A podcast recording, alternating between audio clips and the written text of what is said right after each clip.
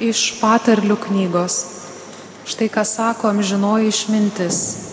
Kelių pradžioje mane viešpats turėjo, prieš darbus pirmuosius pradėdamas veikti. Man pagrindas buvę padėtas prieš amžius, kai laikas dar nėjo ir žemės nebuvo. Nebuvo dar jūrų, kai aš prasidėjau, nebuvo šaltinių, vanduo iš kur kyla, kalnai dar nebuvo tuomet susidarę, nei kalvos iškilę, o aš jau buvau gimus. Kuriejas nebuvo padaręs dar žemės, nei pievom, laukais jos nebuvo suskirstęs.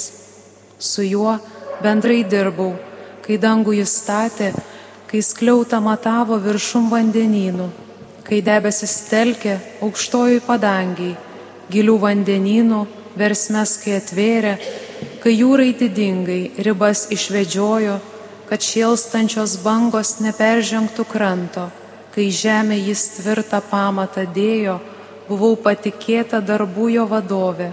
Aš didelį džiaugsmą jam kėliau kasdieną, akivaizdo jo aš linksma šokinėjau, žaismingai bėgiojau po visą pasaulį, man džiaugsmas didžiausias būti pa žmonės. Tai Dievo žodis. Tau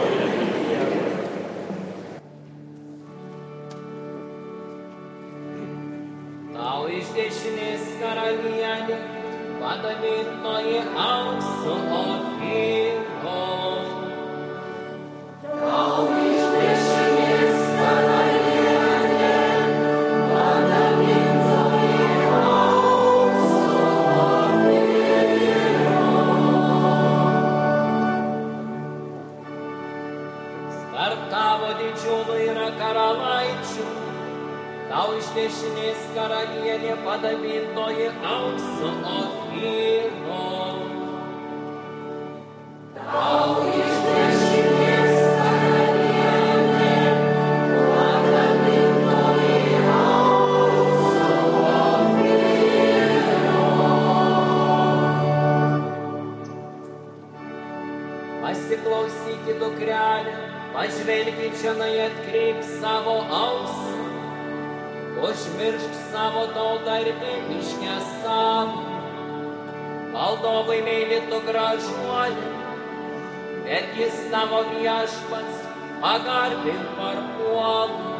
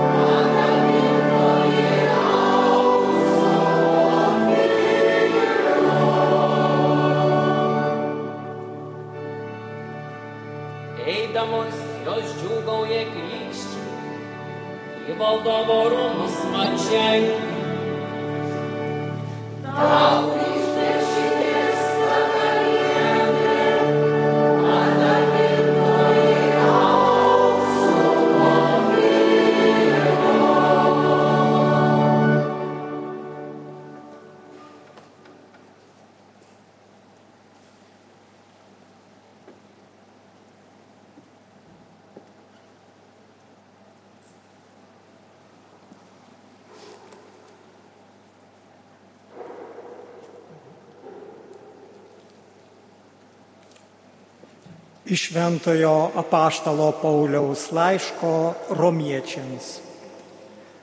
Broliai ir seserys, mes žinome, kad viskas išeina į gerą mylintiems Dievą, būtent jo valia pašauktiesiems, o kuriuos jis iš anksto numatė, tuos iš anksto ir paskyrė tapti panašius į jo sūnaus pavydalą kad šis būtų pirmagimis iš daugelio brolių, kuriuos jis iš anksto paskyrė, tuos ir pašaukė, kuriuos pašaukė, tuos ir nuteisino, kuriuos nuteisino, tuos ir išaukštino. Tai Dievo žodis.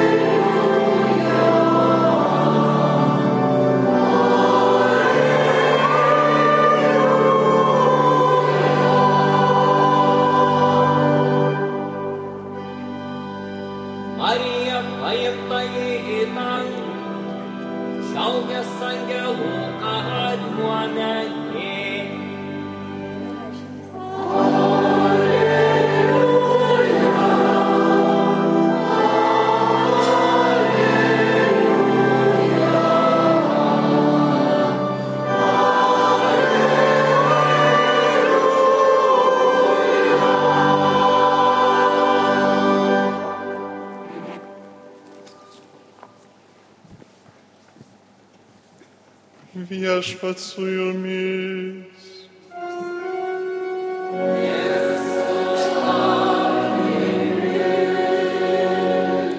Iš Ventosios Evangelijos pagal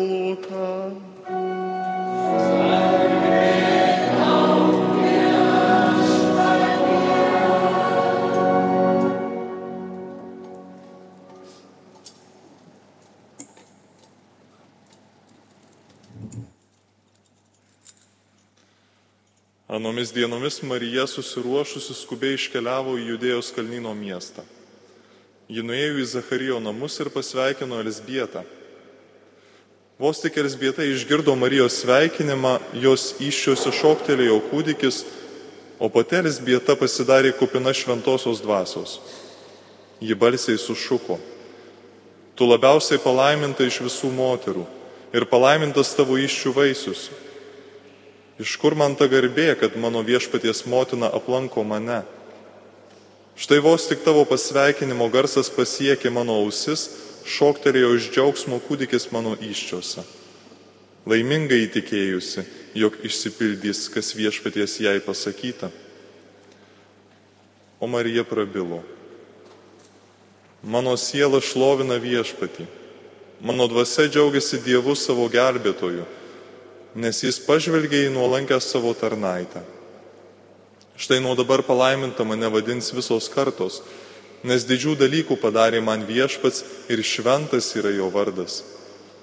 Jis maloningas iš kartos į kartą tiems, kurie jo klauso.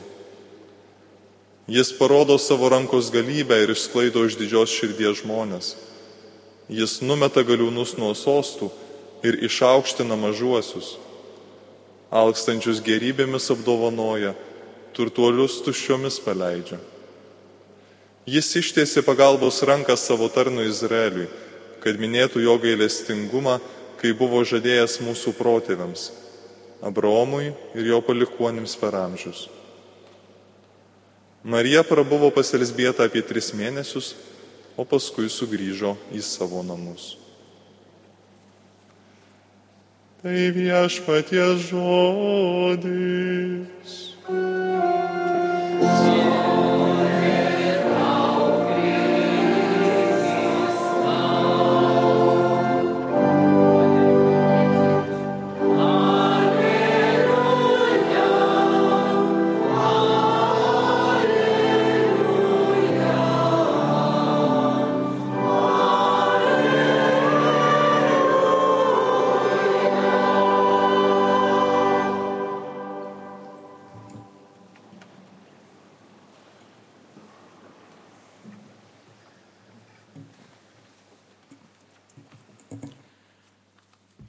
Brangieji, pradėjome žodžio liturgiją šiandien iš patarlių knygos ištrauką, kurioje kalbama apie išmintį.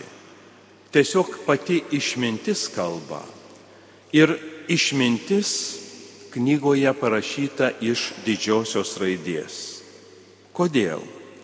Juk paprastai ta žodis rašomas mažąją raidę. Bet Biblijos aiškintojai čia mato išminti ne kaip kokią savybę, bet kaip asmenį, kuris kalba ir kuris su mumis dalyjasi. O koksgi asmuo gali būti švenčiausios trybės liepinyje? Juk mes pažįstame tėvą, pažįstame sūnų, pažįstame šventąją dvasę. Išminties pasidalinimas šiandien baigiamas tvirtinimu. Man džiaugsmas didžiausias - būti pas žmonės. Kaip žinome iš bažnyčios mokymo, Dievo sūnus kurį po įsikūnymo mes pažįstame kaip viešpati Jėzų Kristų, dar prieš sukuriant visatą buvo pas tėvą, tėvo glėbėje esantis. Tad ši patarlių knygos ištrauka mums pristato Dievo sūnų iki įsikūnymo, kuris kalba kaip dieviškoji išmintis, kuriam didžiausias džiaugsmas būti pas žmonės. Ta dieviškojo asmens svajonė išsipildė per Nazareto mergelę, kuri savo pritarimu Dievo valiai atnešė dieviškajam asmeniui didžiulį džiaugsmą. Per ją Dievas tapo žmogumi ir pilnai įsijungė į mūsų istoriją. Matome, kad Marija neša džiaugsmą. Netgi ir šios dienos Evangelijos ištraukoje tai ryšku, nes ji išskubėjo pas savo giminaitę Elžbietą ir ją apdovanojo tokiu džiaugsmu, kad Elžbieta pradžiugo, iš kur man ta garbė, kad viešpaties motina aplanko mane. Bet galime klausti, ar tikrai Dievui didžiausias džiaugsmas būti pas žmonės? Juk mes prisimename visus tuos sunkumus, kuriuos viešpats patyrė tapdamas žmogumi. Tai ir atstumimą, persekėjimą Betliejuje, bėgimą į Egiptą, nesupratimą, išdavystę, kančią ir mirti ant kryžiaus. Ar tai gali patikti? Tikriausiai ne. Tačiau pati pagrindinė varomoji jėga čia buvo Dievo meilė žmonėms. Dievo meilė kiekvienam iš mūsų. O kai kitą myli, tai dėl mylimojo gali iškesti didžiausią pažeminimą, kančią ir net atiduoti savo gyvybę. Štai šiandien, bragiai, mes prisimename taip pat ir šventąjį Juozapatą Kuncevičių, nuo kurio kankinystės praėjo 400 metų.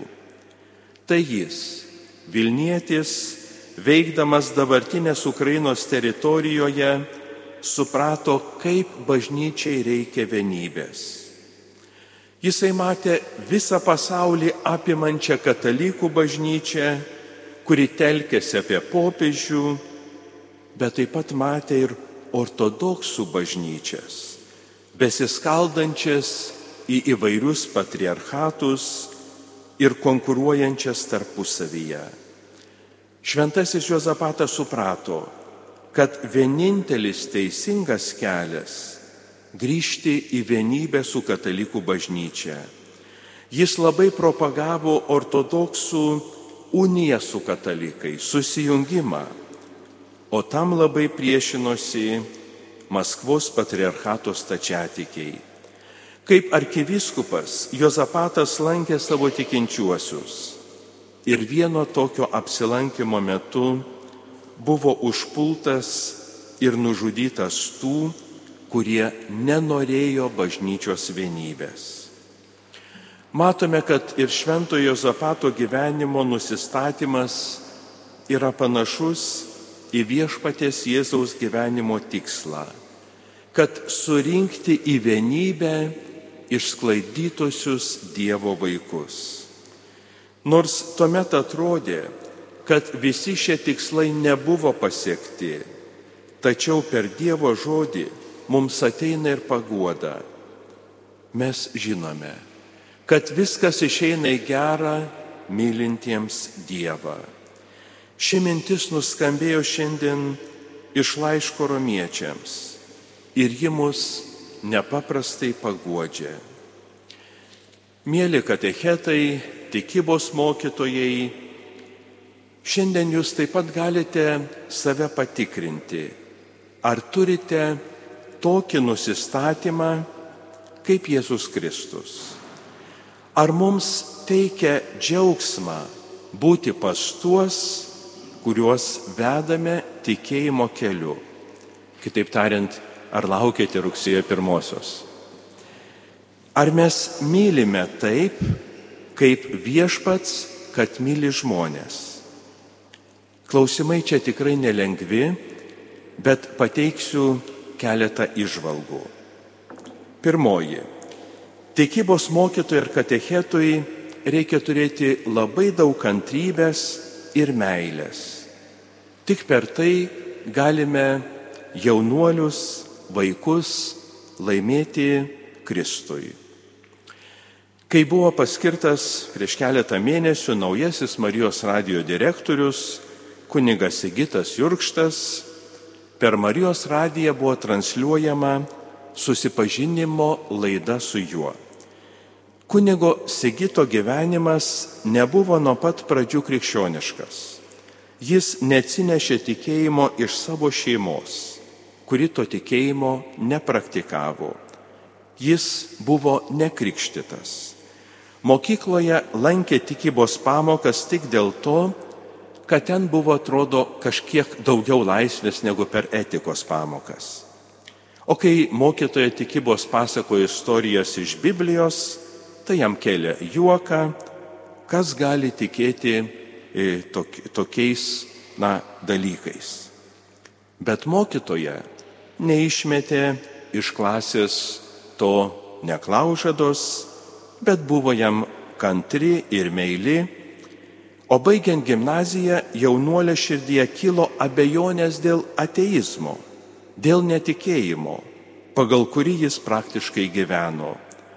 Jis ėmė domėtis Bibliją, uždavinėjo mokytojai įvairių nepatogių klausimų ir po kurio laiko atrado tikėjimą bei pasiprašė krikšto. Savo atsivertimą ir tapimą tikinčiųjų kunigas Sigitas sieja su tikybos mokytojos kantrybę, meilę bei dėmesiu neklaužadoms ir priešginoms. Mėly mokytojai, ar galite įsivaizduoti, kad kas nors iš jūsų mokinių, gal kokie neklaužados didžiausi, kada nors bus Marijos radio direktoriais? Mūsų fantazija to neneša, bet Dievo neša. Antra išvalga. Kaip yra svarbu pozityviai žvelgti situaciją. E, tarp katalikiško anegdotų yra vienas ir toks. Kartą tikybos mokytoja atbėga pas kleboną ir apskundžia savo mokinius. Tik įsivaizduokite klebonę. Aš paprašiau mokinių išvardinti keturių evangelistų vardus, o jie man sako, Juozapas, ir nepamukas. Tai tiesiog baisu. O klebonas ramiai atsako tikybos mokytojai. Jūs džiaukitės, kad jie bent du vardus žino. Taigi, kaip svarbu pozityviai žvelgti į visas situacijas ir matyti bent gerą valią tame. Trečias dalykas. Jauni žmonės turi stiprų religinį jausmą, kurį labai svarbu padėti jiems išskleisti. Pasidalinsiu šviežia savo patirtimi, kuria jau dalinausi interneto platybėse, nes prieš keletą savaičių buvau pasaulio jaunimo dienose Lisabonoje. Ar yra tarp mūsų, kas yra buvęs tose dienose? Pakelkime ranką kaip mokykloje. Žinau, diakoną. Taip. Ačiū. Pirmoji patirtis iš pasaulio jaunimo dienų - vigilijos patirtis. Pusantro milijono žmonių dideliame lauke, šeštadienio vakaras, karštis didesnis negu šiandien pas mus, buvo giesmės, maldos, popiežiaus žodis ir buvo atneštas švenčiausias sakramentas monstrancijoje ir vyko 4-5 minučių tylos adoracija. Ir ką jūs galvojat? Tyla buvo netokia kaip mokykloje. Pusantro milijono jaunimo tikrai tylėjo, meldėsi. Ir jautėsi, kaip Dievo dvasia tiesiog visą tą didžiulį lauką apėmė ir kaip Dievas veikia visų širdise. Tai nėra iš žmogaus.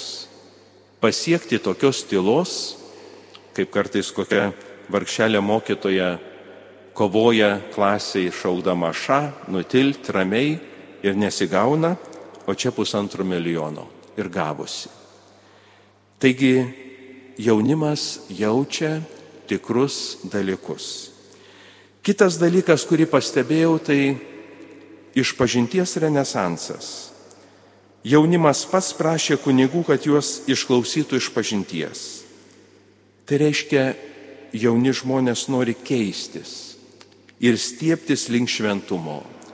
Jie puikiai savo širdį jaučia, kas nėra iš Dievo, kas yra bloga, kas slegia, kas tempia žemyn.